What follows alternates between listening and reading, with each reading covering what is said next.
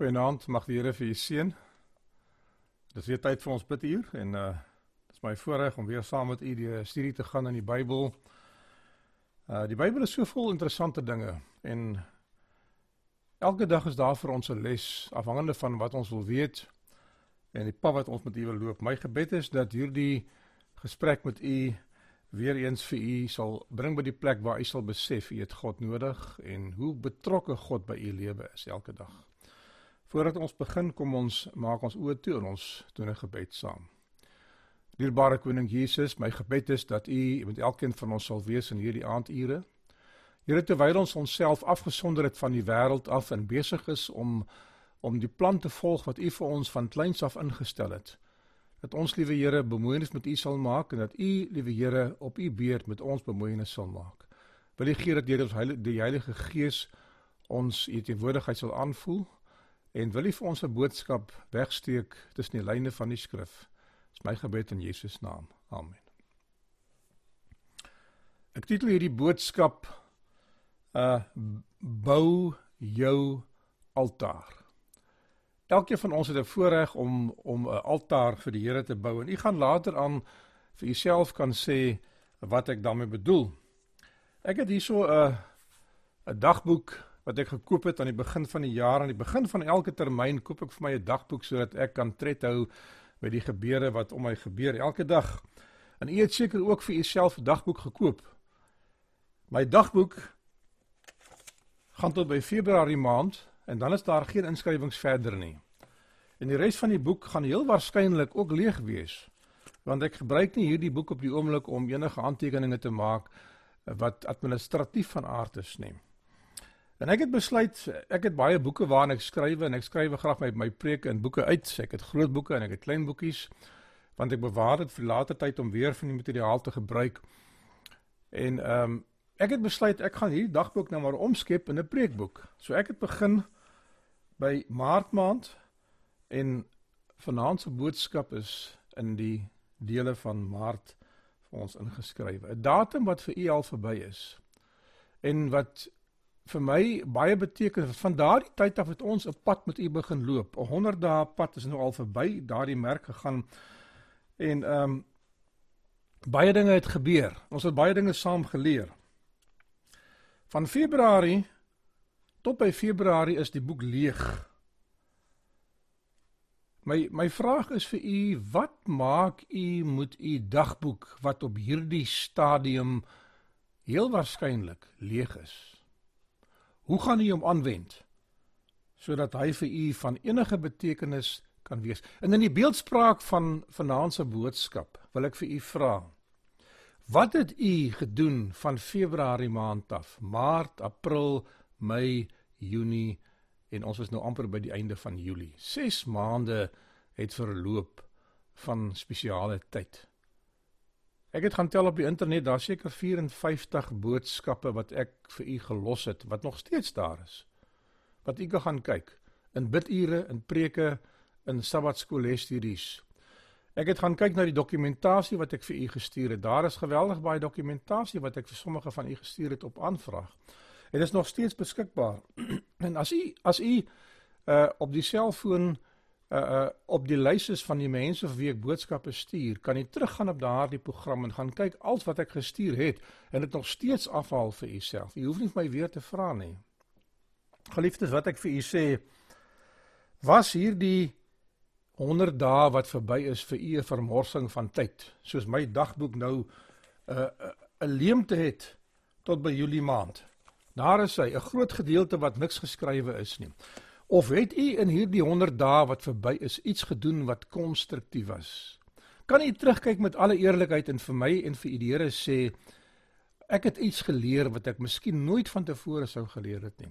Ek het my verhouding met die Here verander terwyl my dagboek en my aardse beplanning uh leeg is. Is my geestelike beplanning nou elke dag vol met inligting wat ek nooit van tevore gehad het nie. En ek praat nie van inligting nie. U weet ek praat nie van inligting nie. Ek praat van 'n verhoudingskennis. Soos Hosea hoofstuk 4 vir ons sê. Mag die Here vir u seën dat ons bespreking vanaand vir u vrugbaar sal wees.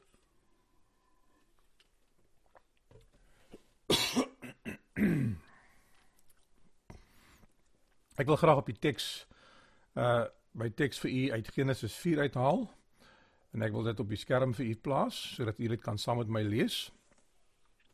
Genesis 4 vers 3 tot 8 lees ek graag vir u. En na verloop van tyd het Kain van die vrugte van die land aan die Here 'n offer gebring. En Abel het ook van die eersgeborenes van sy kleinvee gebring, naamlik hulle vet. En die Here het Abel en sy offer genadig aangesien, maar Kain en sy offer nie aangesien nie. Toe word Kain baie kwaad en sy hoof het laat hang. En die Here sê vir Kain: "Waarom is jy kwaad? En waarom laat jy jou hoof hang? Is daar nie verheffing as jy goed doen nie? En as jy nie goed doen nie, die sonde lê en loer voor die deur en sy begeerte is na jou." maar jy moet daaroor heers. En Kain het met sy broer Abel gepraat en toe hulle in die veld was, het Kain teen sy broer opgestaan en hom doodgemaak. Ek het dit ongelukkig nie in die teks nie. Goed. Interessante verhaal wat die Here vir iemand sê, daar is iets wat na jou toe aankom. Maar as jy daarop bedag is, kan jy dit afweer. In die verhaal van Jakob en Esau sê die Here vir Esau en hy het eintlik eintlik was die seun waarmee Esau geseën was. Ek het dit nou nie ingesit vir u nie. Nie 'n baie goeie seën nie. Ek gaan vir u parafraseer. Dit sê daarso jou jou jou jy, jy sal jou broer dien. Jy sal jou broer dien. Maar as jy jou kragte inspann, sal jy sy juk van jou nek afwerp. Die Here sê vir Esau dit is nie lyntjies. Ek het vir Esau af vir Jakob geseën. En ek het die seën wat aan jou behoort is wat jy verwerp het omdat jy minagtend was teenoor my dinge en my insettinge wat ek vir jou gegee het. Die boek Hebreërs maak melding van Esau waar hy sê Esau was 'n onheilige gewees wat vir een spysgereg sy eersgeboorte reg verkoop het. En hy waarsku vir ons dat ons nie so op Esau moet wees nie. Uh, hy sê vir Esau sou jy die eersgeboorte reg verwerp en ek het jou toe nie nie verwerp nie, maar ek het jou op sy gestoot en gesê staan een kant toe want ek gaan iemand anderster kies om die werk wat ek vir jou bestem het nou te doen. Hierdie boek wat ek voor my het vanaand is 'n boek wat bestem is of bestem was om administratiewe aantekeninge te maak vir die jaar vir my. Maar omdat ek nie administratiewe aantekeninge gehad het wat enigstens van waarde was nie, het hier bladsye oopgebly en is hulle nou beskikbaar om iets anders erin te begin skrywe. En hiervandaan ver en tevorentoe gaan ek hom heel waarskynlik volmaak en ek hoop nie ek gaan hom volmaak met preke voordat ons inperkingstydperk verby is nie. Maar 'n nuwe dimensie in ons lewe inkom wat nie van tevore was nie. Die Here sê in hierdie tyd wat julle gedink het dat julle niks kan doen nie het ek 'n spesiale bemoeienis met julle gemaak. En van u glo ek en ek myself is nou nader aan die Here. En ek gaan dit sê soos koning van die eeue het sê, as wat ek miskien sou gewees het as hierdie gebeurtenis nie plaasvind nie, want ek het nou dieper gestudeer in die Bybel en meer tyd spandeer aan die dinge van die Here met u saam as wat ek van tevore sou gespandeer het as dit normaalweg sou gewees het. In die boekie koning van die eeue Skoon tog ek het 'n krapperigheid in my keel vanmôre. Uh in die boekie Koning van die Eeue is daar 'n stelling wat sê deur deur die val in sonde en deur die verlossingsplan waar Jesus 'n vleesgeworde seun van God geword het om onder ons te kom woon en met ons bemoeienis te maak en die verlossingsplan te aktiveer. Dit sê daar deur die soendood van Jesus en sy geboorte, ek gebruik my eie woorde, is die mensdom nou nouer met God verbind as wat hulle sou gewees het as daar nooit sonde was nie. Met ander woorde, omdat Jesus nou in ons ingebore is en ons in hom wedergebore word, is ons in 'n nouer verbinding as wat ons sou gewees het as ons in 'n sondelose staat soos Adam was voor hy sonde gedoen het. Goed, jy kan oor daardie stelling gaan dink en wat dit vir u beteken. Bou vir jou 'n altaar. Ek het vir die teks gelees, die verhaal van van Kain en Abel. En ek wil graag, u kan gerus u Bybels daar oop hou as u wil. Ek gaan daar 'n paar voorbeelde uitneem.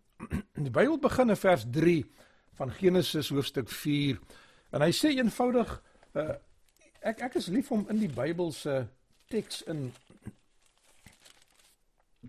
'n verhaal te lees. Ek is my my pa het gesê ek is 'n dromer. Uh, ek droom nie drome wat waar word nie, maar ek droom. Ek het 'n groot verbeeldingskrag. En ek ek ek ek fantasieer dinge vir myself, maar in die Bybel sien ek verhale.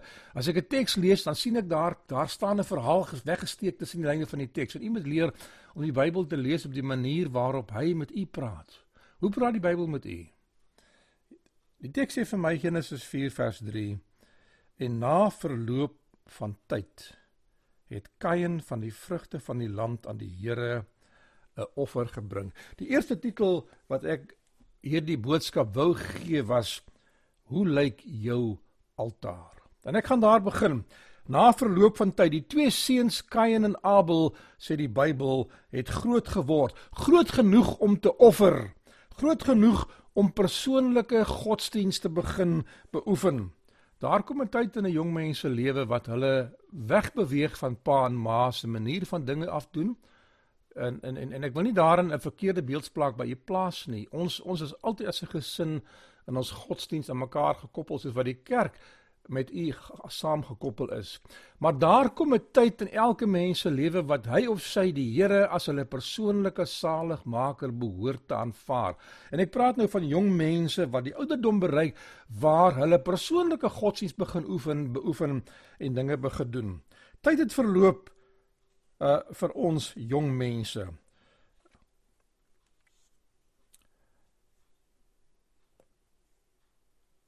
My vraag is hierso word u julle as jong mense nog gevoed geestelik deur julle ouers, deur julle paas en julle maas.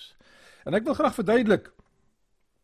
Ek onthou toe ek in toe ek in uh, graad 4 was, dit is julle stand standaard 2 in my tyd gewees.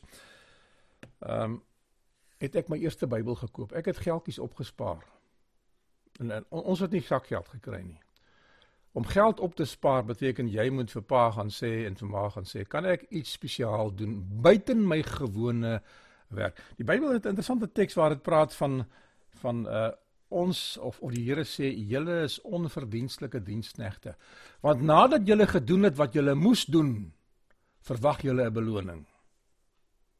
'n Dienskneg het 'n werk en 'n taak en hy kry nie ekstra tip nie. Dit is soos die soos die soos die mense wat nie almal nie. Daar is mense wat karre oppas wat dit vrywillig doen en afhanklik is van die van die ek wil amper sê die almoses wat jy vir hulle gee, daardie tip wat jy vir hulle gee.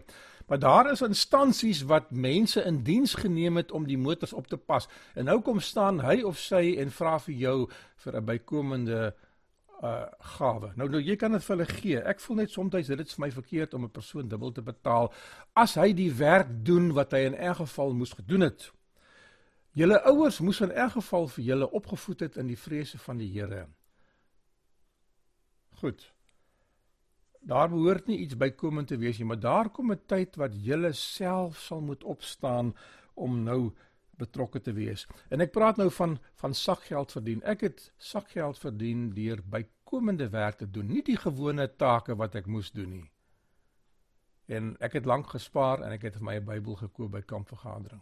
En ek het vir my 'n liederebinde gekoop en ek was ek was bly geweest om in die kerk as die die die mense wat voorgaan die leiers uit die Bybel uitlees, my eie Bybel te vat en te blaai. Ek wil vir julle as jong mense aanmoedig op die manier wat vir julle die beste sal wees. Bekom vir julleself 'n Bybel. Julle moet ophou met pa en ma se Bybel uit te lees. Jy moet 'n persoonlike Bybel hê wat jy kan merk soos die Here dit op jou hart lê, waar jy kan dinge inskryf en moenie julle Bybels bekrap nie. Dis nie wat ek sê nie. My Bybel is ongelukkig baie uh mense sê hy is bekrap, maar dis is dis 'n studie Bybel. Ek het ek het ek het 27 Bybels verskillende tale, verskillende doele. Elke Bybel het 'n bepaalde funksie wat hy verrig in my lewe. En daar is tye wat ek van hulle van die rak afgevat het en toe ek hierdie studie voorberei het, ek 'n spesifieke Bybel gaan haal, uh die Lewende Bybel om te lees. Van die Lewende Bybel in sy vertaling sê dinge wat die ander Bybels nie sê nie. En ek sien hy's 'n beter Bybel nie. Hy was vir my die een wat ek gekies het vir hierdie lesstudie of vir hierdie les van vanaand saam met julle. En julle gaan agterkom in die lesstudie van hierdie kwartaal dat hulle baie dikwels gebruik maak van die lewende Bybel want hy gebruik 'n taal wat uniek is. Goed, dit daar gesê. Ek koop my eie Bybel. Ek het begin om my eie godsdiens te beoefen. Ek het begin om omdat ek nou 'n nuwe Bybel het, het ek vir myself gesê ek moet hom lees. Ek het hom gelees in die oggend voor ek skool toe gaan. Ek het hom gelees in die middag as ek my huiswerk as ek voor ek my huiswerk begin doen en begin speel. As ek klaar geëet het, my eerste taak en wat ek vir u sê is die waarheid, my eerste taak vandat ek in graad graad 4 was, was om in die Mara my Bybel te gaan lees, ten minste 'n hoofstuk. In die aand voor ek gaan slaap het, het ek ten minste 'n hoofstuk gelees en ek het my dit self ten doel gestel om planmatig te werk deur my Bybel deur te studeer. Ek gaan hierdie week in die verloop van die week vir u weer 'n leesplan gee. Nie 'n plan wat u moet volg om te lees nie, maar 'n plan wat u kan gebruik om die evangeliese kronologie en die verhale van die evangelies Matteus, Markus, Lukas en Johannes kronologies in tydsvolgorde te sien. Ek het al vir u dit gegee, ek gaan dit weer opsit want daar is miskien mense wat daarbey kan baat vind in die lig van wat ek nou met u deel. Goed. Ek het my Bybel begin studeer. Ek het 'n plan gehad my Bybel weer te lees. En ek het ongeveer 'n jaar en 'n half geneem. En ek het my Bybel van Genesis tot Openbaring deurgelees toe ek in graad 4 was. En ek wil julle as jong mense uitdaag begin julle Bybel deurlees. Dit is waar mense begin Bybelstudie. En daarvandaan het ek nooit weer opgehou nie. Ek is nou deur die genade van die Here al by 60 verby en ek lees nog steeds my Bybel deur, maar ek lees hom nie net nie, ek studeer hom deur. En ek kan nou die vrugte pluk daarvan deurdat ek dinge ingeskryf het hier van kruisverwysings en dinge wat vir my van waarde is wat ek kan gebruik in my bediening. In my persoonlike lewe. Nou om dit te kan doen, moes ek vroeër opstaan. Ek was besig om vir my 'n altaar te bou. 'n Altaar is die plek waar jy aanbid en waar jy God ontmoet. Die die die, die boek Patriarge en Profete sê dat nadat Adam en Eva uit die tuin van Eden uit verdryf was, het hulle die Here aanbid by die ingang na die tuin van Eden wat bewaar en bewaak was deur twee engele wat iets gehad het wat so die voorkoms van 'n swaard gehad het wat vlam en flikker. Die Hebreëse taal is nie baie duidelik nie, maar die konsep daar is dit was nie 'n swaard noodwendig nie. Maar dit was iets wat vir ons wat nou terugkyk, die voorkoms gehad het van 'n swaard wat as jy hom beweeg in die son dan het hy op daardie lem 'n flikkering gehad en dis wat dit is wat Moses gesien het in inspirasie toe hy die boek Genesis geskryf het. Want hy ken swaarde. Hy was in die weermag van koning Farao gewees. Goed dit is net so terloops. Ek gee vir u soms insette in die Bybel uit wat die vrug was van die studie wat ek gedoen het eens op 'n tyd. En daai dinge bly in my gedagtes. En wanneer ek met u praat in boodskappe, is die dinge nie in my teks neergeskryf nie, maar dit kom in my gedagtes terug want dit is my tuin waarin ek geplant het. Ek wil vir u aanmoedig, begin vir u 'n altaar bou waar u die Here kan aanbid in 'n tyd en 'n plan waar u planmatig met die Here saam spandeer. Maar ook begin in u gedagtes in julle jong mense veral om dinge daarin te plant wat jy later gaan nodig hê uit die woord van God uit. Ek moes vroeër opstaan. Ek moes 'n gedeelte van my etenstyd afknyp om opoffering te maak. Hierdie is die woord wat belangrik vir my is om deel te kan wees van daardie spesiale plan om my altaar te begin bou. En uh in die aand moes ek 'n bietjie later gaan slaap as gewoonlik sodat ek my Bybel kan lees. Ek wil vir julle geheim vertel. Ek ek ek maak wel maar bak baie melding in my boodskappe van persoonlike dinge in my lewe en ek wil nie myself as voorbeeld vir jou nie, maar ek wil vir julle soms noem waarom ek dit doen. Ek het gevind as 'n jong mens, dis waar ek geleer het, dat as ek die Bybel vat en ek studeer hom nadat ek 'n dag hard gewerk het en dinge gedoen het en ek is moeg. Nou as 'n mens jonk is, jy kinders is, gebruik jy meer energie as groot mense en en jy word vinniger vaak. Ons het 7 uur gaan slaap in die aand. As ons huisgodsdienst gehad het, is ons bed toe gestuur. As as die as die as die piep piep piep piep piep, piep van die radio opgekom het 9uur in die aand toe ek 'n jong seun was, het ek gedink dit is verskriklik laat. Dit is nie vandag vir my meer laat nie. Maar daar is tye wat ek moes oor my tyd gaan omdat ek nie wou my Bybelstudie nalat en my gebed wat ek langs my bed gekniel het en gebid het as 'n jong mens nie.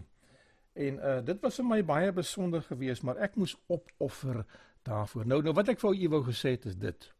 Die rede waarom ek tans in die nag studeer is dat ek het as 'n jong mens uitgevind. As ek baie moeg is en ek lees die Bybel, dan kom ek agter ek lees 'n sin twee keer en ek moet soms teruggaan en 'n derde keer lees en, en dan kom ek in die helfte van die boodskap dan besef ek ek het nie 'n idee wat ek sopas gelees het nie. En ek het begin ophou om in die aand te studeer. Ek het 'n kort studie wat ek doen in die aand en dan gaan slaap ek, maar ek staan vroeg in die oggend op in die nag Ek het ek het opgestaan net so na 2 uur nou. Dis waar ek nou is om hierdie boodskap met u te deel. Dis die tyd wat ek gewoonlik opstaan. Vir die rede dat nou is ek wakker en nou is ek nie in die slaap nie. En vir u mag dit nie 'n plan wees wat werk nie. Daar is geen meriete in om vroeg op te staan nie, behalwe dat ek 'n verbond van opoffering met die Here gemaak het om by my te pas in my temperament te pas. Ek hou nie daarvan om in die aand te studeer as ek moeg is en ek 'n ding 3 keer en 4 keer moet lees en soms aan die slaap raak terwyl ek lees nie. Dit is die rede, die enigste rede. En die Here maak my wakker want ek het gerus. Goed, 'n verbond van opoffering. U eie altaar, geliefde uh, lidmaat, is u besig om vir u 'n altaar te bou. En u gaan net nou in die beeldspraak agterkom hoekom ek dit vir u sê. Het u 'n plek waar u kan gaan offer u op u eie altaar. Julle jong mense, is julle nog besig om Paas se Bybel te vat om te gaan lees as julle wil studeer of het julle julle eie Bybel? Het julle 'n studieprogram? Het julle 'n notaboek waarin julle geestelike dinge neerskryf vir julleself en vir die toekoms? Of is julle besig om op die kerk se altaar elke Woensdag Ek gebruik nou 'n beeldspraak wat u moet begin besef. Is u besig om u aanbidding, u godsdiens op die kerk se altaar te offer elke Woensdag en elke Sabbathooggend en ander tye op die internet? In hierdie tyd van inkamping het u baie te doen gehad met boodskappe van die media af. U is besig om op 'n ander persoon se altaar u offer te plaas en aanbidding te doen het u nog steeds volhard met u huisgodsdiens? Het u nog steeds volhard met u persoonlike godsdiens ten spyte van die aanbiedinge? Dit is maklik as dinge vir jou aangebied word op die media en jy hoef net te gaan sit en dit in te neem. Daar is geen persoonlike offering wat daarmee saamgaan nie. Die tyd het ge gekom dat Kain en Abel hulle eie persoonlike altaar moes bou. Hulle het nie op pa Adam se altaar hulle offer gebring nie. Die Bybel sê hulle het vir hulle altare gebou. En ons weet nie hoe dit gelyk het nie, want daar was nie 'n nodigheid vir 'n stelsel van 12 klippe nie. Ek het in die Bybel navorsing gedoen en ek kan nou al reeds vir u sê in 'n studie wat ek wat ek met u kan deel as u belang sal stel dat die die verloop van die altaar was aan die begin was dit grond gewees. Dit was soms met klippe gewees, die mekaar loop van klippe. Hulle het later aan begin om in opdrag van die Here 12 klippe te gebruik om die om daardie verhouding wat Israel met God gehad het in die in die volksverband die 12 stamme van Israel te simboliseer en ander dinge. In die tabernakelstelsel het die Here vir hulle toegelaat om altare te bou van van van akasiëhout en dit met goud te beslaan. Dit was nie meer klippe gewees nie. So die klippe is nie van waarde nie, maar die plek waar jy aan by die Bybel sê Abraham het by elke plek waar hy gekom het nadat hy rondgeswerf het, het hy 'n altaar gebou. En hierdie monumente het in Kanaan gestaan as 'n getuie teen die Here. Paulus skrywe in die Nuwe Testament, hy sê ek het by 'n plek gekom waar daar 'n altaar gestaan het wat gesê het aan 'n onbekende God. Nou vir die heidene van daardie tyd was dit was God wat Abraham aanbid het, 'n onbekende God of iemand anderste wat daardie altaar opgerig het. Het u altare wat u gelaat het op u lewenspad wat agtergebly het by mense en vir die Here begin getuig het. Geliefdes, my vraag vir u is uh uh eerstens op wiese altaar offer u? Het u eie altaar? Is u besig om die altaar te bou? Die geestelike aanbiddingsplek? Tweedens, my vraag is wat plaas u op u altaar? Ek wil vir u graag lees Deuteronomium 6. Ek gaan 'n paar tekste vir u lees. Ek het dit nie op die skerm gesit vir u nie. U kan self u Bybel neem. Deuteronomium hoofstuk 6 En uh ek lees daarso 'n bekende teks vir u vers 6 tot 8. 'n Instruksie aan u en aan my. 'n Teks wat in u gedagtes behoort te wees, veral as u 'n ouer is, veral as julle as jong mense die plek bereik het waar julle begin om te dink om julle eie altaar te bou. Vers 6 sê: En hierdie woorde wat ek jou vandag beveel, moet in jou hart wees. En jy moet dit op jou kinders inskerp en daaroor spreek as jy in jou huis sit. En as jy op die pad is en as jy gaan lê en as jy opstaan. Dit laat my dink aan Psalm 139 vers 23. Het ek al van tevore vir u gesê.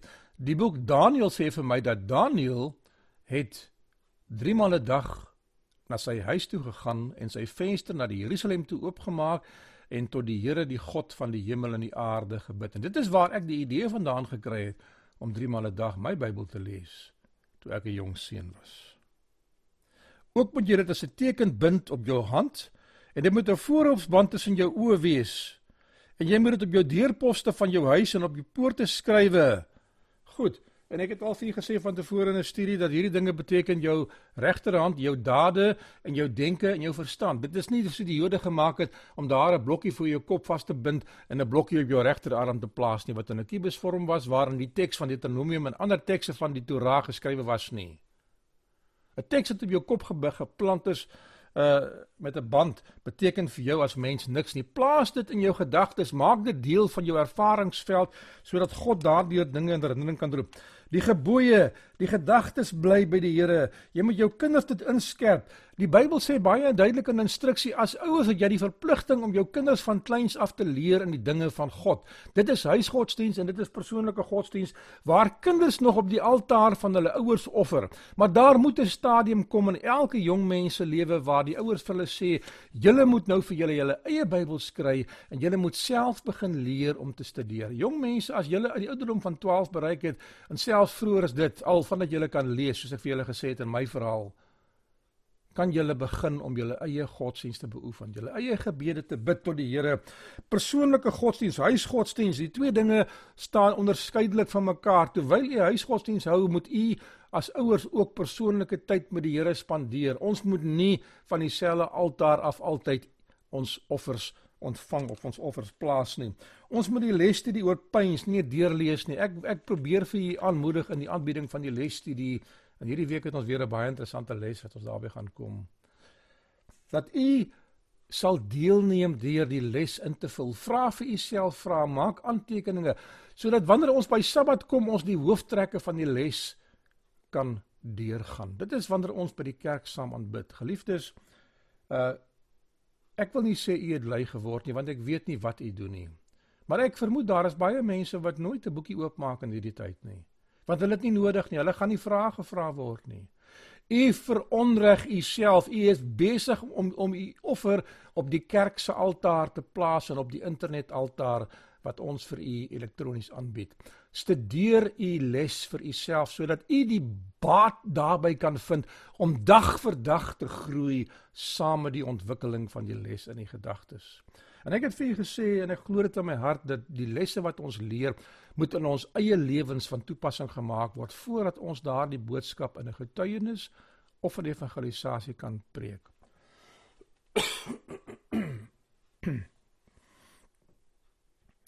U moet die preke wat u luister en die preke wat u beleef in die kerk neerskrywe en dit gaan oor pyns anderster gaan u die helfte van die inligting kry wat u nodig het. U moet nie net hoor nie. Ek het vir u gesê en ek glo dit in my hart en ek het dit bewys in my eie lewe dat as twee mense of vyf mense na dieselfde boodskap luister, dan hoor julle nie dieselfde boodskap nie. Daar waar julle as gesinne bymekaar sit, miskien om na hierdie boodskap van die bid hier te luister. As man en vrou, as 'n gesin dalk.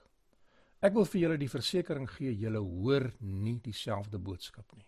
Selfe woorde, Maar die Here beïndruk. Ek gaan dit nou verduidelik vir u. Waarom is dit nodig dat u u eie altaar moet begin bou?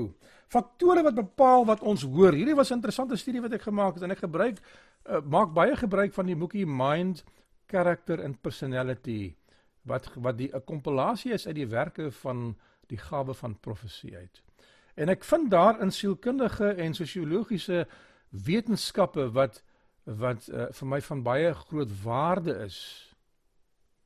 Dit sê onder andere dat die mens se verstand is geneig om die dinge waarmee hy betrokke is deel van homself te maak. Ons word verander deur aanskoue deur die dinge waarmee ons betrokke is. It is a law of the mind that it gradually adapts itself to the subjects upon which it is trained to dwell.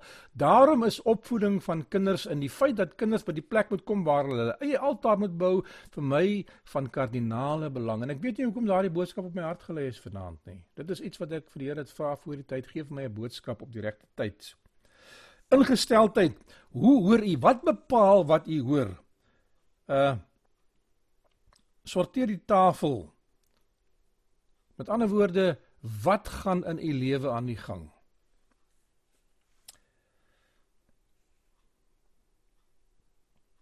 Waarmee was u gedagtes die afgelope week besig? Ek het in 'n vorige boodskap gevra vir u as hoorder, wat is sentraal in u gedagtes in hierdie krisistyd? Waarmee is u besig elke week of is dit iets anders hierdie week? Wat is die sentrale boodskap van u week? Is u gedagtes daar want dit gaan bepaal hoe u vandag gaan luister. As u met 'n bepaalde probleem worstel, gaan dit in u gedagtes bo wees. En die boodskap wat die Here vir u bring, ek sê dit so want die woord van die Here bring 'n boodskap vir u. Dis nie ek wat die boodskap bring nie. Daardie boodskap sal aanklank vind by die dinge waarmee u besig was. Dit is waarom ons dikwels 'n inleidingsverhaal vertel sodat u gedagtes kan fokus op wat ons gaan gaan doen. Ek het vir u gesê waarmee was u die 100 dae besig gewees? Die dinge wat u gewoonlik sou gedoen het, het u nie gedoen nie. So u het iets anderster gedoen. Wat het u gedoen? Watter altaar het u begin pak om daarop te werk? Ons gesindheid wanneer ons arriveer by die kerk, uit watter storm of uit watter vreugde uitkom ons na die kerk van die Here toe? Met watter gesindheid en met uit watter agtergrond aan uh uh benader ons die aanbiddingsuur van hierdie dag? Hierdie is vir my is vir my vir my baie belangrik dat u moet verstaan. Uh Wanda Jackson, Amerikaanse sangeres, sing 'n liedjie waar sy sê Lord, I just came out of a battle. Here, ek het so pas 'n stryd gehad en ek kom uit 'n stryd uit na u toe. Dit is hoe ek in u binnekamer in u in u in u eh, troonkamer van gebed en aanbidding instap uit 'n storm uit my lewe uit. Waaruit kom u na die biduur toe? Waarmee was u gedagtes besig? En vir my distrik veral eh, was die die die prominensie van die oopmaak van ons kerke in u gedagtes en u gaan met daai gesindheid luister.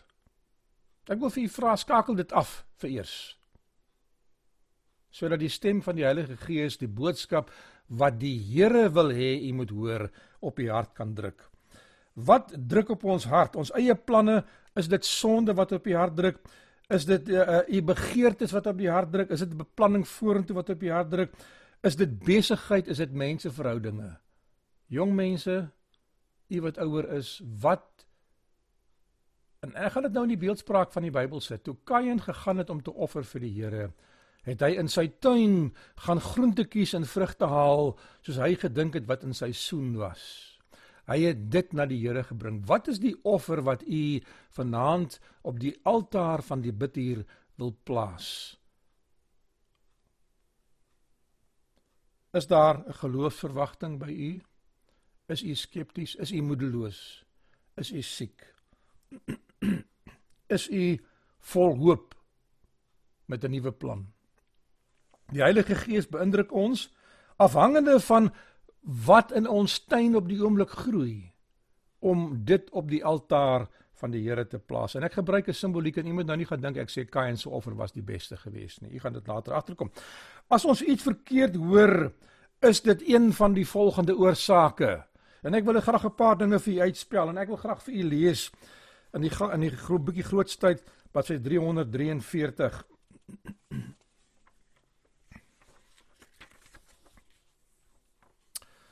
No truth is more clearly taught in the Bible then that God by his holy spirit especially directs his servants on earth in the great movements for the carrying forward of the work of salvation. Dit sê die dit is 'n waarheid van die Bybel dat die Here deur die Heilige Gees sekere waarhede met verskillende tye op die mens se hart wil plaas en dit wil druk. Men are instruments in the hands of God employed to him by to accomplish his purposes of grace and mercy. Met ander woorde, die Bybelskrywers was 'n instrument in die hande van God om sekere boodskappe na u toe te bring en 'n prediker, enige een wat enigiets optree in die kerk van die Here, is besig om wat die Here voor hulle geplaas het, nou aan mense te gee om die doel van God te bereik. Dis waarom die Heilige Gees ons openlik lei in ons aanbieding. Each has his part or her part to act.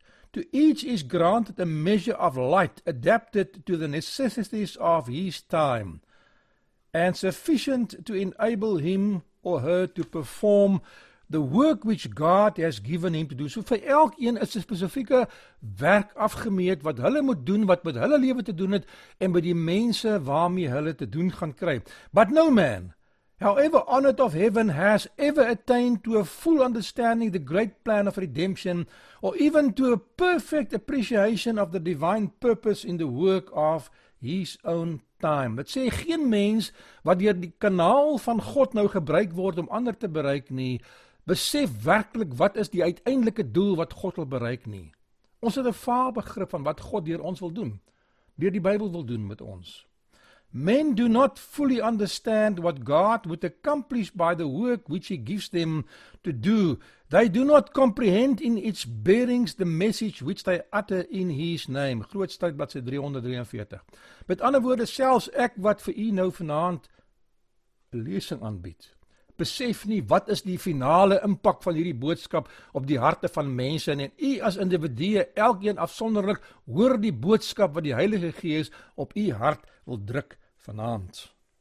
Wat is die boodskap wat u hoor? Het die Heilige Gees u beïndruk?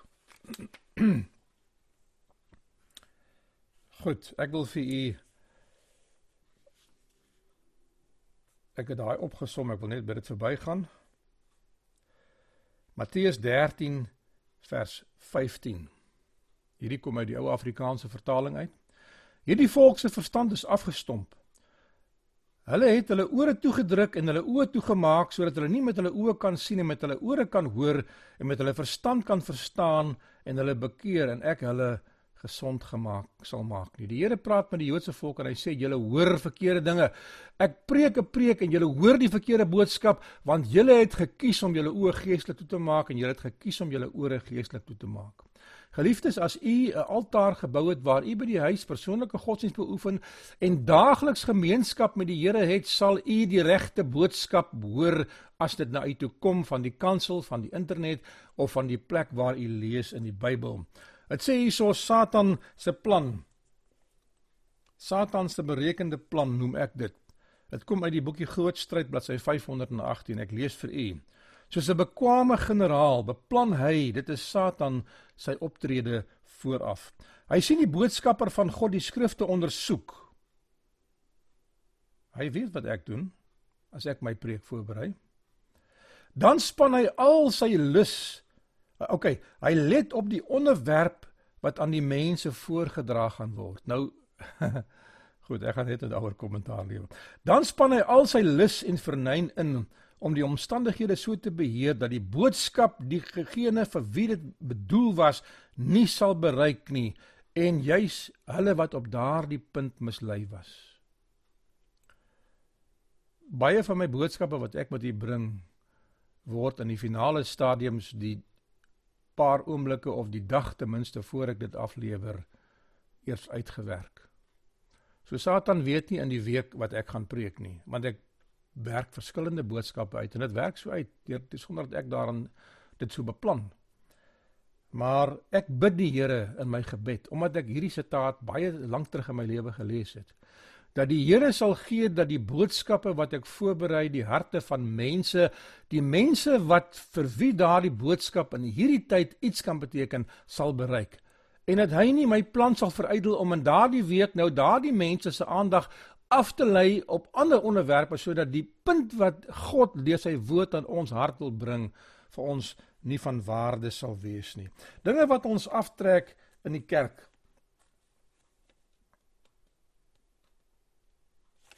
Goed. Wat trek ons aandag af? Geraas buite die kerk. Jy hoor 'n geluid buitekant, nou wonder jy wat is daar nie gaan. Nou is jou aandag weggelei. Selfs u wat nou luister, gaan dinge hê wat u aandag weglei van die boodskap op die kritieke oomblik. As u 'n boodskap moet hoor, gaan u vrou met u praat of u man gaan met u praat of die telefoon gaan lui of die kinders gaan iets doen of die hond gaan blaf. In daai oomblik gaan daardie gedagte verby. Ek sê vir u as 'n leerskool moenie 'n boodskap een keer luister of kyk of lees en dink u het alles gehoor nie. Gaan terug en doen dit 'n tweede maal en u gaan dalk iets wat u gemis het omdat u aandag deur die Satan afgetrek was op 'n ander plek. Nou optel wat u nie opgetel het die eerste keer nie. Goed. Ons eie gedagtes kan ons weglei. Baie mense sit in drome in die kerk. Ons sê sleutelwoorde en hulle gedagtes begin 'n pad vat en dwaal weg van die boodskap af. Derde rede, daar is en ek gaan nou iets sê wat wat verkeerd gaan klink. Daar is lastige kinders in die kerk. Kinders is nie lastig nie. Kinders moet in die kerk grootgemaak word. Kinders moenie by die huis grootgemaak word nie. En jy moet leer om die kinders deur huisgodsdiens te dissiplineer om te weet dat in die aanbiddingsure moet hulle hulle gedra. Hulle moenie sit en rondvroetel en rondhardloop en en praat onnodig nie. Ons was van kleins af gedissiplineer om in die huis van die Here en in aanbiddingstye ons aandag te bepaal by wat gebeur. My pa het in die huisgodsdiens vir ons vrae gevra. Nie moeilike vrae nie, om te kyk of ons aandag by sy les was. Ons het self saam gelees. Ons het beurte gekry om te bid. As ons huisgodsdiens hou, het elkeen 'n kans gehad soos by die bid hier om te bid. Daar is van ons wat miskien vaak word. Ons sit vir ure voor die televisie in die week in hierdie tyd. En nou is die preek vir ons te veel. Ons konsentrasie kan nie want daar is nou nie meer animasie van dinge wat gebeur nie. Daar is nie advertensies wat nou harder is en sagter is nie wat ons moet verstel nie. Ons staan nie op om te gaan kos soek om te pesel nie. Hoop nie jy doen dit terwyl die aanbiddingsure in die gang is nie. In 'n geval. Dit hou ons wakker. Nou kom ons in die kerk, nou moet ons stil sit vir 'n lang tyd. Dit is vir ons te veel. En dan mag mediese redes voor wees. U moet u self dissiplineer sodat u die altaar wat u bou kan geniet. Broers, twee Kains, twee Kain en Abel, twee broers, dieselfde ouers, dieselfde opvoeding, dieselfde omgewing invloede van die lewe. Nathaniel vra kan iets goeds uit Nasaret kom? Die plek waar u groot word bepaal in 'n mate wat u gaan word, maar dit hoef nie die heersende faktor in u lewe te wees nie. die opgewondenheid. Uh hulle het gelyke regte ontvang alhoewel die oudste seun in die Ou Testament veral 'n bietjie anderster regte gehad het as die ander jong kinders. Maar dit was nie 'n probleem gewees nie. Hulle liggame het simmetries ontwikkel, so hulle was dieselfde al was hulle nie van dieselfde ouderdom nie. Daar is geen twee kinders wat dieselfde gaan wees in u huis nie. Hulle was oud genoeg om hulle eie altaar te bou, sê die Bybel vir ons om die aanspraak van die lewe te antwoord en aanspreeklikheid te aanvaar vir hulle eie siel saligheid. Jong mense, daar kom 'n tyd wat die Here vir u sê, jy moet begin om self met my as God bemoeienis te maak en rekenskap te aanvaar. En ek wil dit graag vir u uitspel. Jesus in jou persoonlike godsdiens moet deel van jou lewe word. Die leerskool van die huis van klein kinders is die proses waar kinders geleer word om persoonlik voor God te verskyn. Met ander woorde in die ouer opvoeding, die ouer gesag leer hulle eerbied. Hulle sien die vader en die moeder in die plek van die gesagsbron wat God later gaan wees. So in die huisgesin word kinders opgevoed om later aan in die kerk en in hulle persoonlike lewens onafhanklik van die ouers hulle eie altaar te bou en op daardie altaar die vrugte te plaas van hulle ervaring met Jesus. Gehoorsaamheid in die huis sal 'n kind leer om gehoorsaam aan die dinge van God te wees. Dissipline in die huis leer 'n kind om gedissiplineerd te wees in ons godsdiens. Daar is mense wat onregeerbaar is in godsdiens. En ek gaan nie daarby brei nie. Jy weet waarvan ek praat. Liefde, eerbied, onselfsugtigheid is in die lewensskool Dit is 'n leerskool en solank as wat hulle klein is, moet hulle in daardie skool opgevoed word. U moet nie vir u self sê u kinders is te klein om te leer nie. Hulle leer van kleins af en 'n kind leer deur voorbeeld meer as deur onderrig. So wat jy wys en wat jy doen is van meer waarde as wat jy sê. Maar moenie die sê deel nalat nie. Hulle offer op pa en ma se altaar in huisgodsdiens want hulle klein is en ouers is verantwoordelik vir die kinders en die Here gaan van die ouers rekenskap vra van wat van die kinders word. Dit is waarom die Bybel gesê het en ek gebruik my eie woorde, my eie afleiding dat kinders het nie sonde nie. Die Here het 'n kind gebring en gesê as jy nie verander en soos 'n kind word nie, sal julle die koninkryk van God nie ingaan nie.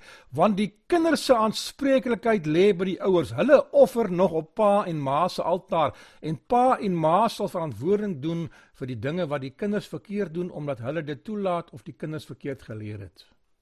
Maar daar gaan 'n tyd kom wat die kinders hulle eie altaartjies moet bou. En dis waarheen ek gaan en u het daardie altaar gebou. Huisgodsdiens is belangrik vir kinders van kleins af om deel te neem, om eerbied te wees, uh, te hê. Toepassing: Die kerk is ons as ouers se leerskool.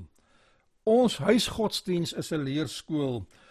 Dit moet nie ons enigste aanbiddingsplek wees nie. En ek het net nou half half ironies vir u gesê, soms offer u op die kerk se altaar. Want u luister na 'n biduur en u luister na 'n preek en u luister na 'n na 'n 'n lesstudie. U moet ook in die week vir uself op u eie altaar offer.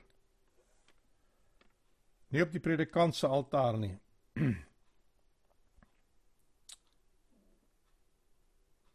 Die Bybel gebruik 'n beeldspraak. Ek is ek ek moes eintlik hierdie teks almal vir ingesê het, maar u weet hulle bestaan en u kan hulle gaan opsoek. Die Bybel praat en Paulus skrywe waar hy sê dat dit tyd vir julle geword om vaste kosse te eet, maar julle moet nou teruggaan na die melk toe van 'n suigeling. Geliefdes, ek praat van die oorgangsstadium waar Kain en Abel begin groot word het, waar hulle eie altaar gebou het op 'n dag wat Adam pa Adam gesê het, julle moet nou ophou om saam met my te offer, gaan bou vir julle altaar. En twee seuns het seker seker hulle eie idee gehad van altaar. Nou nou die tweede les in hierdie verhaal is Daar was nie vir hulle 'n spesifieke voorskrif van hoe die altaar moes lyk nie. Maar hulle het 'n idee gehad wat Pa Adam gedoen het. As jy bekering ervaar en gedoop word, is jy besig om jou eie altaar te bou waarop jy gaan aanbid. Die keuses in godsdiens, die ruimtes in godsdiens. As ons van Pa se altaar af weg beweeg, dan bou ons die altaar soos ons hom wil hê. As ek op die strand met die kinders speel, toe ek jonger was, het ek dit baie gedoen. Het ek hulle aangemoedig om hulle eie kasteeltjies, want hulle kom speel saam met my. Dan sê ek vir hulle: "Bou aan die kasteel, maar bou iets soos jy dit wil hê." Kyk na my voorbeeld, kyk hoe ek dit doen maar gaan bou jou eie kasteel. Gebruik jou inisiatief. Dieselfde voorskrif, die seuns het dieselfde voorgeskryf. Hulle het ruimte vir aanpassing gehad. Filippense 2 vers 12 en 13 in die laaste twee lesse was: "Werk dan julle eie heil uit met vrees en bewering." Geliefdes, daar is dinge in godsdienst waar die Here sê: "Ek gee vir jou die raamwerk en die beginsel, maar jy moet self besluit hoe jy dit gaan doen, wanneer jy dit gaan doen en wat jy gaan doen." Bou jou eie altaar. God gee ons ruimte in godsdiens, maar die opvoeding wat ons in ons kinderlewe geontvang het, plaas die fondasie van die patroon wat ons later sal bou. En die gawe van profesie wat u lees in die Bybel wat u bestudeer van dag tot dag, is besig om vir u riglyne te gee van waar die grense lê van hoe u altaar moet lyk. En u gaan u altaar moet verander soos wat u leer op die pad vorentoe. Want u het dalk gedeeltes gebou wat nie volgens God se plan is nie. Terwyl ons voortbou, uh gebruik ons nog steeds Pa se plan. God werk nou in ons om sy plan te ontvou. Godsdienstvryheid. Dis waarheen ek gaan. Godsdienstvryheid. Het u godsdienstvryheid? Baie dink die reëls verander as ons groot word. Ons het altyd gedroom as kinders van die dag wanneer ons groter word, want dan kan ons sekere dinge onafhanklik begin doen op ons eie. Toe ons klein was, het ons ma ons gevoer met die kos wat hulle voorgeskryf het en ons het nie 'n keuse gehad en ma het gesê eet al die kos wat in jou bord is en daar was nie 'n opsie gewees nie. As jy dit nie eet nie, kry jy dit vanaand weer. Goed. Trek aan wat ek vir jou uitgepak het op jou bed. Ek het soms vir my ma gesê ek wil nie daai net sê trek aan wat ek vir jou gee. Tot ek ouer geword het, toe kon ek begin self kies wat ek wil aantrek, wat ek wil eet selfs alhoewel ek nog steeds voorskrifklik gesê was eet dit is goed vir jou. Staan op wanneer jy wil. Sondag kon ons bietjie laat lê en dit was ons besluit gewees om op te staan wanneer ons wil. As jy ouer word, was dit jou keuse gewees. Kies jou lewensmaats, kies vir jou 'n beroep. En die tyd gaan kom wat die Here vir u gaan sê, begin persoonlike godsdiens beoefen. En ek gee vir jou ruimte van die spektrum van dinge wat jy kan doen. Maar bly by die patroon wat vir jou gegee is. Kain en Abel, hulle wetywer, hulle bou hulle altaar. Hulle probeer seker vir Pa Adam beïndruk wie gaan die mooiste altaar bou hulle het seker vir Pa Adam gevra kom kyk na my altaar en hy moes seker kommentaar lewer soos ons moet kommentaar lewer. Geliefdes, u moet u kinders aanmoedig op die lewenspad en hulle prestasies op die vlak waar hulle beweeg bemoedig. Moet dit nie aan u standaarde meet nie. In die gawe van profesie in die boekie opvoeding is daar 'n stelling wat sê dat elke mens, en dit praat veral van jong mense en kinders, kan in elke stadium van hulle lewe volmaaktheid bereik. Volmaak vir 3 jaar, volmaak vir 6 jaar, volmaak vir 8 jaar. Moenie vir 'n kind van 3 jaar verwag om 'n 8-jarige standaard te handhaaf nie. Ek wil dit sê Ek gaan nie sê godsdienst was in ons keel afgedruk nie. Maar as kinders, omdat ek 'n predikantskind was, was ons oordonder met godsdienstreëls en regulasies. Moet nie vir u kinders sê mevrou White sê so nie. Leer hulle van kleins af om een beginsel op 'n keer te handhaaf tot hulle geleer het om hulle eie altaar te begin bou en op daardie altaar te pak wat uit hulle lewenservaring uitkom soos die Here met hulle pad begin saamloop is die hart van die boodskap van vanaand. Geliefdes, Kain was lief vir die aarde gewees, hy was 'n landbouer gewees, die Bybel sê dit nie, maar ek sê hy het groen vingers gehad en uh hy was vryheid gegee om te maak wat hy wil. En hy gaan daar en hy gaan haal van die keuses van sy eie vrugtopbrengs uit die land uit. En hy bring dit as 'n trotse offer voor die Here maar ons lees in die gawe van profesie dat Kain het ongelukkige ander element ook gehad en ek gaan daarby uitkom. Maar die aanvanklike offer van Kain en die bedoeling was goed geweest om die beste wat hy het vir die Here te bring. As u na die Here toe 'n offer bring bring die beste. Ek het uh, in die leerskool van rentmeesterskap geleer dat offergawes is vir die Here van meer waarde as tiendes. Ons dink omdat tiendes meer is as offergawes soms dat dit van meer waarde is. 'n Tiende is 'n verpligting wat jy teenoor die Here het en jy moet met 'n blymoedige hart doen anders het dit geen waarde nie. Maar jou offergawe is waar die Here jou hart toets want jy moet opoffering doen. Dit is wat dit praat van. Jy moet gaan ekstra werk om iets te verdien sodat jy vir die Here 'n beter offer kan bring. Deur die geloof sê die boek Hebreërs het Abel 'n beter offer aan God gebring as Kain. Nie omdat hy die beste gebring het wat hy gehad het nie, maar omdat hy die voorskrif wat God vir hom gegee het nagekom het. Ek gaan nou daarby kom. Kain misverstaan die vryheid van keuses. Hy het gedink hy kan op daardie altaar pak wat hy wil. Die keuse van Kain was gewees: bou vir jou 'n altaar. Bou hom waar jy wil. Bou hom soos jy wil. Gebruik materiaal wat jy wil. Maar wanneer dit kom by wat jy op hom moet sit, is daar vir jou 'n voorskrif. En dit moet jy nakom. En ons moet leer dat ons kan sekere dinge, sekere aspekte van die altare wat ons bou kan ons self bepaal want God gee ons vryheid van keuse. Maar daar is sekere dinge wat ons nie kan self bepaal nie. Dit gaan oor die grense wat jy as kind geleer het. Die boek Patriarge en Profete sê dat Kain koester gedagtes van ontevredenheid oor die vloek wat op die aarde uitgespreek was en die dorings en die dussels wat nou in sy groente en sy vrugte inkom en hy moet daardie siektes wat die plante groei optel bekamp op een of ander wyse. En hy het in sy hart vir Adam verwens want hy weet dat as 'n gevolg van Adam se sonde het daar 'n vloek oor die aarde gekom. Dit sê dat hy het gedagtes gehad waar hy die dissipline van sy huis begin bevraagteken het en die orde en die gesinsreëls begin bevraagteken. Hy het gedink sy groter word, gaan hy vrygestel word. Geliefde jong mense, Eh, as 'n mens groter en ouer word, begin die reëls nie noodwendig verander nie. Die waardestelsel en die beginsel waarvolgens dinge vir julle geleer was, bly dieselfde. Alhoewel julle vryheid kry om nou dinge op julle eie te begin doen. Maar daar's nog steeds reëls. Die beginsels het nie verander nie. Die reëls verander nie as jy ouer word nie. Die aanspreeklikheid word meer. Maar daar is mense wat as hulle ouer word en groot word, die reëls van hulle kinderlewe afgooi en die wêreld begin dien in sonde. Dit is gevaarlik. Kain baan 'n weg van opstand teen God en sy reëls in sy hart. Kinders wat nie van kleins af die dinge van God geleer word nie, sal nie verander wanneer hulle groot word nie. Moenie vir jouself sê as ek 'n ding nou toegelaat het as 'n kind, as hy groot word sal hy verstaan en dan sal hy dit los nie. Hy sal nie want hy word in sy weë gebaan. Die spreekwoord in Afrikaans sê buig die boontjie terwyl hy jonk is, dan groei hy in daardie rigting. As jy hom gaan buig as hy groot geword het, gaan sy stammetjie knak en hy gaan breek en jy gaan 'n rebel op jou hande hê.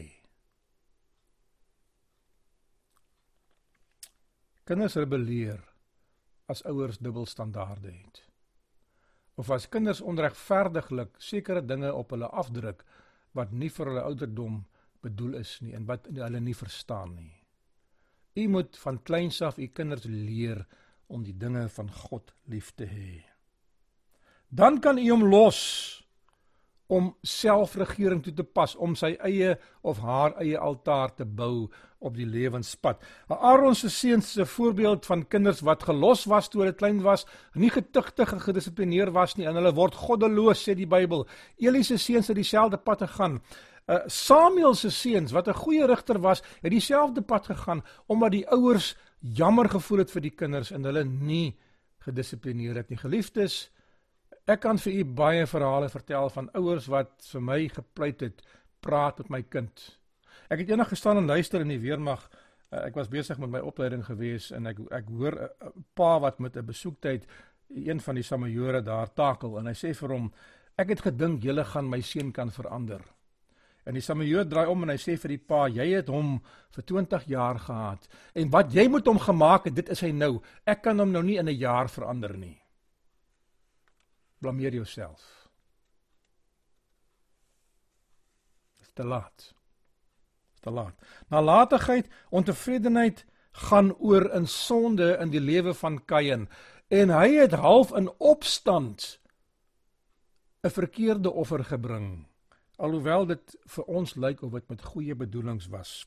Sonde het begin groei as vryheid verder uh, gaan uh,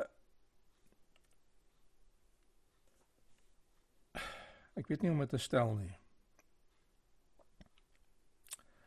As vryheid verkeerd verstaan word, gaan dit lei tot 'n optrede by mense wat hulle in sonde gaan dompel. Dikwels begin sonde by dinge wat nie sonde is nie, maar dinge wat naby aan die grense van die beperkings van die woord van God lê of aan wêreldsheid grens. Wêreldsheid het 'n manier, wêreldsheid uh, dit is nie 'n sonde per se nie, maar dit dit lei tot sonde. Dit vat jou gedrag en jou aandag weg van die Here af terwyl jou fokus op die dinge van God moet wees. Dit is te naby aan die grense van sonde. Uh onbeheerde gedagtegang broei en die saad word nou sonde. Dit gebeur nie oornag nie. Dit broei lank in die hart van die mens totdat dit soos 'n plantjie begin opgroei. Geliefdes, as ons nie die plantjies wanneer hulle klein is nie. My vrou het nou weer 'n tuintjie begin. En aan die begin is dit moeilik om te onderskei watter goedjies wat opkom is is ek gaan dit so sê sonde of bossies en wat is die goeie goed. Maar nou dat hulle begin groot word, begin ons hulle herken. Die Bybel sê aan hulle vrugte sal julle hulle herken, nie aan hulle saad nie. U sal nie die saad in die kinders se lewe of in die eie lewe kan herken nie behalwe as die Here dit deur sy woord uitspel. Kom ek gebruik 'n voorbeeld. By die see is daar vlaggies waar mense moet swem. Die see strome vat mense heen en weer en hulle bepaal ek weet nie hoe hulle dit doen nie, waar is dit veilig om te swem, waar hulle beheer kan hê oor die mense en hulle kan red as hulle in die moeilikheid raak. As jy buite kan die vlaggies gaan swem en jy raak in die moeilikheid, moet jy nie verwag die lewensredders gaan jou red nie. Alhoewel hulle vir jou gaan vermaan om terug te kom na die vlaggies toe. Nou ek het ag ek het ek het hulle dopgehou om my lewe. Ek hou mense dop. Hulle hulle staan op die strand en hulle kyk waar die mense swem. As die as die see stroom 'n persoon uit daardie baan van die vlaggie uitvat, dan blaas hulle nie dadelik die vletjie. Hulle kyk of daardie persoon weer omkyk en besef hulle is uit buitekant die beperkte gebied en terugkom self. As die mense dit nie van self doen nie, dan gaan hulle die vletjie blaas en vir jou sê gaan bietjie terug. As jy aanhou uitgaan of hardkoppig is, gaan hulle vir jou sê kom uit die see uit. Ek het al gesien dat hulle mense uit die see uitjaag. Omdat hulle vir ander mense 'n voorbeeld stel en nou volg mense dit en hulle raak in die moeilikheid en hulle as lewensleiders met daardie mense gaan red. As u 'n opsiener in die kerk is, 'n leraar is, as u 'n ouderling is, as u 'n vader of 'n moeder is, as u 'n jong mens is wat verstand gekry het, gaan u verantwoordelikhede aanvaar waar u soms mense gaan sê luister, jy's buite kan die vlaggie. Kom terug. Ek het al gesien dat mense met die lewensredders redeneer en ewige argumente aangaan. Geliefdes, dit help nie. Dit help nie vir jou nie. Bly binne die grense wat God vir jou gegee het. Hy gee vir jou ruimte. En God wil sien hoe jy reageer Die Here gaan jou nie straf die eerste keer as jy 'n misstap begaan nie. En ek het al gesê en dis dit dit dis 'n stelling van my lewe, ons foute is nie sonde nie. Ons ons moet nie ons kinders onder die indruk bring dat as hulle 'n fout maak, hulle sonde doen nie. Ek het baie ver gevorder op my lewenspad voor ek agtergekom het my foute is nie sonde nie. Ek het met daardie vrees in my hart geloop as 'n jong mens, ek doen sonde. En ek moes vry gewees het om die Here te aanbid in vreugde.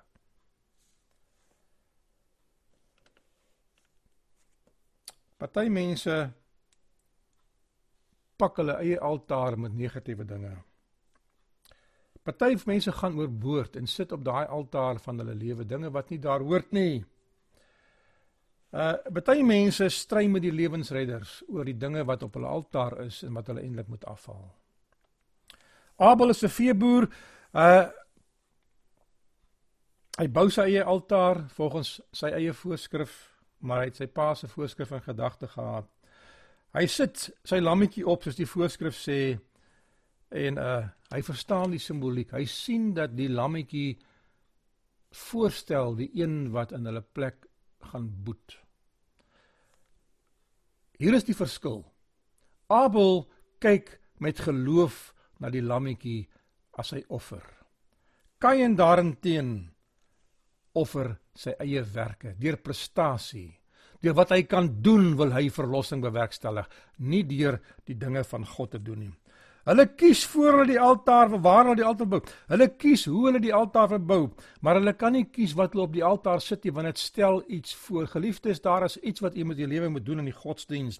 Abel se offer was 'n geloofsdaad. Hy sien vir Jesus. Kain se offer was 'n ander kategorie waar hy gewerk het en deur die vrug van sy arbeid verlossing probeer bewerkstellig. Die boekie Patriarg Profete sê dat dat om om verlossing deur verdienste te kry is die grondslag van alle forme van afgodery. Die oomblik wat jy nie God aanbid nie en afgode dien in watter vorm ook al, is jy besig om deur verdienste jou verlossing te probeer bewerkstellig. Dit gaan nie kom nie. In die verhaal wat ek van tevore met u gedeel het van die slange, het Moses daardie slang in die woestyn op 'n paal gesit en vir die mense gesê: "Kyk na die slang en leef." Hy het nie vir hulle gesê aanbid die slang nie. En die slang het 'n bepaalde simboliek. Jesus word sonde vir ons. Hy word 'n slang in die offer van Golgotha. Hy het ons sonde aan die kruis kom naal deur dit hy dit vir ons gevat het. Die vierde les: Ons goeie bedoelings, ons baie offers maak nie op vir ons ongehoorsaamheid nie. U kan vir die Here en vir die kerk van die Here baie ding gunstes en gawes doen. Dit gaan niks beteken as u die voorskrifte van God in die duidelike so sê die Here verwaarloos nie. En ek dink u weet waarvan ek praat. Ehm um, in die verhaal van Samuel sê die Here tref die Amalekiete met bandvloek want hulle beker van genade het oorgeloop. Ek het hulle soveel jaar, amper 500 jaar kans gegee om bekering te kom. Hulle het nie gekom nie. Nou word hulle 'n probleem vir die ander mense. Hulle voorbeeld gaan ander mense aansteek nou om sonde te doen. So roei hulle uit. In die stappe van die lesstuur het ek vir u gesê dat die Here waarsku ons, hy tugtig ons, hy straf ons en dan sny hy ons af. Omdat ons nou 'n probleem word vir ander mense.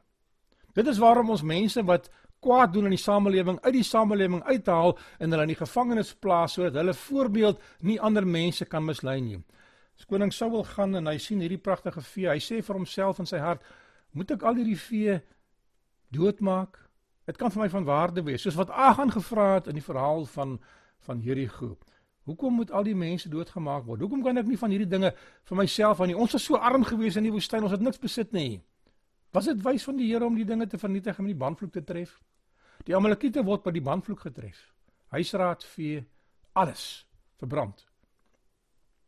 En wat oorbly van waarde bly behoort aan die Here. En Saul vat van die vee. En terwyl hy aankom, sê hy vir Samuel, ek het die wil van die Here uitgevoer, die opdrag van die Here, maar Samuel sê vir hom stop. Stop. Wat vir 'n geblær van vee en 'n gebalk van beeste wat ek hoor. En nou begin Saul met sy storieetjie waar hy sê die manskappe het gevra of ons nie van die beste van die Amalekiete kan vat om vir die Here te offer nie. Die bedoeling, hy sit 'n bedoeling daarbey om dit goed te maak. Ons motiveer dikwels die dinge wat ons doen met 'n goeie daad en 'n goeie motief. Goeie motiewe gaan u nie help wanneer u u offer op die altaar van die lewe plaas nie. Samuel sê vir koning Saul: Die Here het geen behaag in brandoffer en in slagoffer soos gehoorsaamheid om te luister na die stem van die Here nie. Hy sê al daardie offers wat jy bring, beteken niks as jy ongehoorsaam is nie. Sonde groei nie in een dag nie. Sonde is nie dadelik volgroei nie, maar begin by die saadstadium. Ons moet in die saadstadium as ons ons altaartjies begin bou, moet ons seker maak dat die dinge wat ons daarop gaan plaas die regte dinge is. Wat plaas u in u karakterbou vir die Here? Wat gaan u oes aan die einde? Ek het begin vir u te vra, hoe luister u na 'n boodskap? Wat is die lewe waaruit u kom in die gesindheid en die ingesteldheid waarmee u na 'n boodskap luister? Dit sal bepaal wat u gaan hoor. U gaan oes wat u gesaai het. Die Bybel sê wat jy saai, sal jy maai. Sonde word nie sigbaar voordat dit volgroei is nie. Sonde moet in die in die in die ontkiemingsstadium uitgewis word. Dit is waarom die Here mense so gestraf het in die Ou Testament. Hy het nie toegelaat dat in die midde van sy volk Israel sonde saad ontkiem nie. Maar in ons tyd word ons gelos dat sonde ontwikkel en tot 'n volheid kom. En nou sit ons met twee soorte gewasse op ons landerye. Daar is koring en daar is onkruid. Wanneer sonde in openbaar manifesteer, het dit reeds deur die verskeie ontwikkelingsstadiums gegaan, lees ek in die boekie Mind, Character and Personality. Met ander woorde, as mense in openbaar begin sonde doen, is dit half moeilik om dit nou aan te spreek. Hulle het reeds 'n besluit gemaak. Hulle het besluit die voorskrif van die Here sê so die vlaggies is daar geplant. Ek het nou oor die vlaggies se grense gaan en ek redeneer met jou as red lewensredder om te sê wie is jy om my te keer om te doen wat ek wil doen. Terwyl ek net die vraag vra wat sê die woord van die Here nie. Geliefdes, Is besig om vir die altaar te plaas. Die prosesse het gevorder, die stadiums waar dit hanteer moes gewees het is verby. As volwasse mense gaan ons deur dieselfde stadium sonder begin klein. Dis die resultaat van geleidelike toegewing. As 'n mens die eerste keer met jou motorkar oor 'n sperstreep ry, dan voel jy half skuldig en jy kyk rond as daar nie 'n 'n polisieman naby nie. En jy dink vir jouself, wat gaan hierdie mense wat ek verby gaan sê? Maar ek regverdig dat wanneer hierdie man se kar hier ry teen 5 myl per uur en nou moet ek die heel pad agter hom karring wat bewit streep terwyl die pad groot oop is voor my en ek kan sien dit is veilig om verby te gaan. Nou gaan ek gou verby. Volgende keer gaan ek dit weer doen. En dit gaan makliker word. En naderhand gaan dit nie meer vir my reël wees nie. Geliefdes, as jy op skool was en jy klasse gebank afwesig gewees sonder verlof, dan gaan dit vir jou makliker wees om as jy moet kerk toe gaan, kerk te bank. Daar is mense wat kerk bank, ek weet. Vir geen rede nie. Ons bly van die kerk af weg vir geen rede nie. Sommige. Daar is mense met mediese toestande. U moet nie aanhou verskonings maak vir ons eie gerief wat ons weghou van die dinge van die Here af as ons kan opoffer om by die dinge van die Here te wees nie. Goed, ek dink jy weet waarvan praat ek. Elke stap is makliker. Die eerste maal gaan dit moeilik gaan en ons voel bietjie skuldig, maar ons draai daardie volume van die gewete af. Sodat die stem van die Heilige Gees nie ophou pleit nie, maar sagter pleit. In die koning van die eeue se daarstelling wat op my gedagtes kom, Elke onrein gedagte besoedel die vers, uh, siel, verswak die sedelike begrip en neig om die indrukke van die Heilige Gees uit te wis. God kan en sal die sondaar vergewe, maar al word hy of sy vergewe, bly sy siel geskend. Die verhaal van die pa wat vir die kind sê sonde is so spykers en hy vat spykers en hy kap hulle daar in die hout. Hy sê vir die seun, dis wat sonde aan jou lewe doen. En die seentjie gryp die hamer en hy trek die spyker. Hy sê daar's hulle uit. En die pa sê goed, haal die gate uit die plank uit. Haal die gate uit die plank uit. Sabbatsontheiliging begin by die grense wat ons vir onsself toelaat om te oorskry. Ons is besig om op ons altaar 'n manier van aanbidding te pak wat baie naby grens aan die regulasies wat die Here gegee het. Geliefdes, u moet nie kyk hoe naby u aan die grens kan gaan nie, u moet kyk hoe ver u van die grens af kan beweeg om in die middel te wees. Ek het wanneer ek by die see swem, het ek vir my op land 'n baken gekry wat in die middel van die vlaggies is wat ek dophou. So diep as wat ek ingaan en so ver as wat ek in die middel van die vlaggies beweeg. En daai twee dinge hou ek gedurig dop na elke golf wat ek gery het. Kyk ek is ek nog in die middel van die vlaggies of naby die middel van die vlaggies en is ek te ver in die see en dat die stroom my wegvat nie. In my geestelike lewe streef ek om dit te doen en ek hou dit vir u as 'n voorbeeld voor Ek wil nie vir u sê hoe u u altaar moet pak nie. Maar maak 'n plan. Planmatige godsdiens. Slegte taal begin so. Wat 'n mens 'n slegte woord sê, 'n krie woord sê en dan omdat mense dit toelaat, gaan ons aan. In steede van dit dood te maak in sy kiemstadium. Ons begin so met tiendes en offergawes om die gawes van die Here af te knyp om om om betrokke te raak by die dinge van die Here in die kerk. Ons skram weg van verantwoordelikhede af. Ons sê iemand anders sal dit doen. En ons kom weg daarmee. Ek wil begin afsluit. Daar's baie dinge wat ek vir u kan sê. Die Bybel sê vir ons dat God tree in en ek het vir u gelees, die Here die Here het nie Kain se offer aanvaar nie. Die offerandes van daai tyd was van die aarde af deur vuur aangesteek gewees. God aanvaar Abel se offer, hy aanvaar nie Kain se offer nie. En Kain se gesig hang, sê die Bybel, en die Here spreek hom aan. Hy sê vir hom: "Waarom is jou gesig lank? Hoekom loop jy dikmond in Afrikaans?" Die Here sê vir hom: "Die sonde lê en loer vir jou. Jy het op jou altaar begin dinge pak wat jy moet afhaal of daardie altaartjie van jou gaan 'n verkeerde altaar word." jou godsdienstige beoefening. Ons kan wegkom by onsself. Ons kan wegkom by ons ouers. Ons kan wegkom by ons eggenote wat sien dat ons dinge verkeerd doen en ons soms berus en dan vererg ons ons daarvoor. Ons kan wegkom by die kerk of by die leraar. Maar ons gaan nie wegkom by God nie. Ek kan vir u verhale vertel van Moses, van Elia, van Paulus wat die Here gesê het jy gaan nie by daardie perk verby nie. Toe Moses teruggaan na Egipte, wil die Here hom doodmaak omdat hy die voorwaardes van die verbond en die besnydenis nie beoefen het met sy eie kinders nie. Die Here het hom as leier nie verskoon nie. Inteendeel die Here eis van die leiers meer as van gewone mense. Die Here eis van u as ouers meer as van u kinders. God kyk of ons oor die grense beweeg. Hy hou dop om te sien of ons gaan terugkom self. Hy is bly as ons dit doen. Hy bemerk die gesindheid waarmee ons die lewensaltaartjie pak wat voor ons is. Of sonde in ons hart verhard en of sonde in ons hart in die kiemstadium uitgewis word. My boodskap vir u is bou vir u 'n altaar. U is oud genoeg as u 'n jong mens is. As u 'n volwassene is, bou u eie altaar. Moenie net die altaar van die kerk gebruik nie vir aanbidding nie. Bou die altaar volgens die model van Jesus. Gebruik die ruimte wat die Here vir u gee om die godsdiens aantreklik en mooi te maak en beweging te hê, maar moenie die grense oorskry wat God vir jou gesê het, hier mag jy nie verbygaan nie.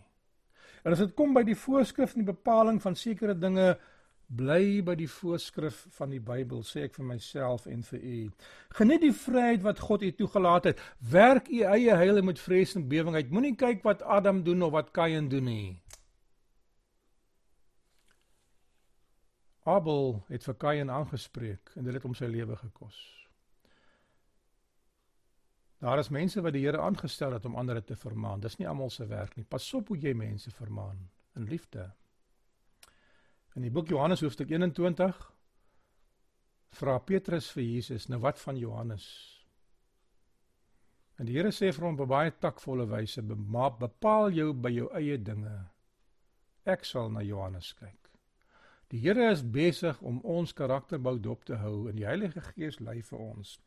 Leer julle kinders om hulle eie altare te bou van kleins af en leer hulle volgens die regte voorbeeld. U wat ouer is en volwasse is,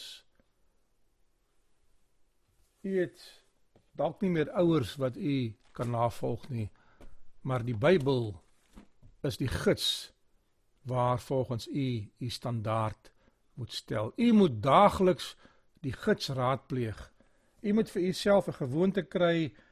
Ek wil dit nie 'n gewoonte noem nie, maar 'n aanspraak van gebed kry waar u met die Here kan tyd spandeer.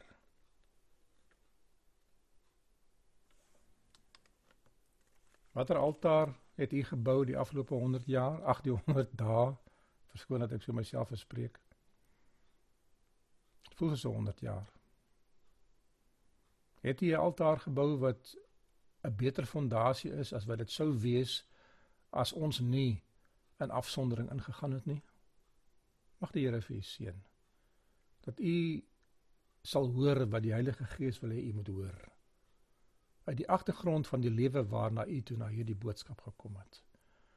En dat u die dinge wat u nie moet hoor nie, nie sal hoor nie en dat die dinge wat u moet hoor, die Heilige Gees dit individueel op u hart sal plaas. Die Here seën vir u. Kom ons bid saam. Dierbare koning Jesus, terwyl ek voor mense verskyn op 'n beeld en miskien my stem gehoor word, weet ek dat ek eintlik vir myself preek. En hierdie is die aanklag van my lewe, Here, dat ek voordat ek met mense kan praat en vir hulle kan voorskryf, ek self myself voor U moet plaas. Here, ek wil bely dat dat ek in my lewe op my altaar dinge geplaas het wat nie daar hoort nie. En ek het soms oor die grense gegaan en ek is dalk ook nog steeds nie altyd binne die beperkings van God nie. Here, ek bid dat U my sal terugbring om binne die beskerming van U grense daar te beweeg. Dat U vir my sal leer en dat ek die geregte gesindheid het, U my sal vat tot die hoogste hoogtes wat daar sal wees. Here, ek bid vir die kerk wat voor U staan. Here, ons kerk het deur baie dinge gegaan. Ons individue van ons mense, ons jong mense, veral ons kinders. Here, ek wil hulle aan U opdra in 'n spesiale wyse. Ek wil hulle wat wat groot verliese. Here, ek hoor daagliks van mense wat nou familielede verloor deur hierdie siekte. Ek wil bid dat U hulle sal vertroos, dat U hulle sal beskerm. Maar liewe Here, dat U vir hulle 'n plek sal gee waar hulle kan gaan skuil in die dag terwyl hulle besig is om hulle eie huisgodsdiens altaartjie te bou wat hulle na die poort van die ewige lewe sal neem, waar hulle in geloof na U sal kyk en U stem sal hoor. Mooi seun, goeie getroue dienskneg, oor weinig was jy getrou, oor veel sal ek jou aanstel gaan in in die vreugde van jou Here. Here seën nou u kerk. Beskerm ons en maak vir ons deure oop in Jesus naam vra ons dit. Amen. Liefdes, mag die Here vir u seën dat u die boodskap op die regte plek sal val. Nie op die pad waar die voëls dit oppik of tussen die dorings en die dussels waar dit verstrik sal word of op die klippe waar dit sal opskiet en sal verdor nie. Maar dat dit op die goeie grond sal val en vrug sal dra 30, 60 of 100voudig. 100 keer meer as wat dit moes wees. Die Here seën vir u die res van die week tot ons mekaar Sabbat sien en die van u wat deur die genade van die Here moontlik sal aanbid in 'n kerkgebou dat die Here vir u sal genade gee daar ook en u veilig sal hou. Amen.